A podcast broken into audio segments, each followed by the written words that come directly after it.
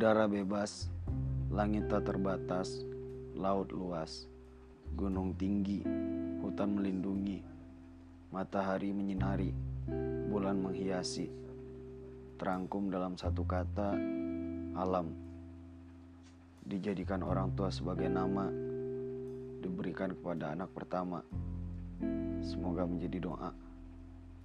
Amin.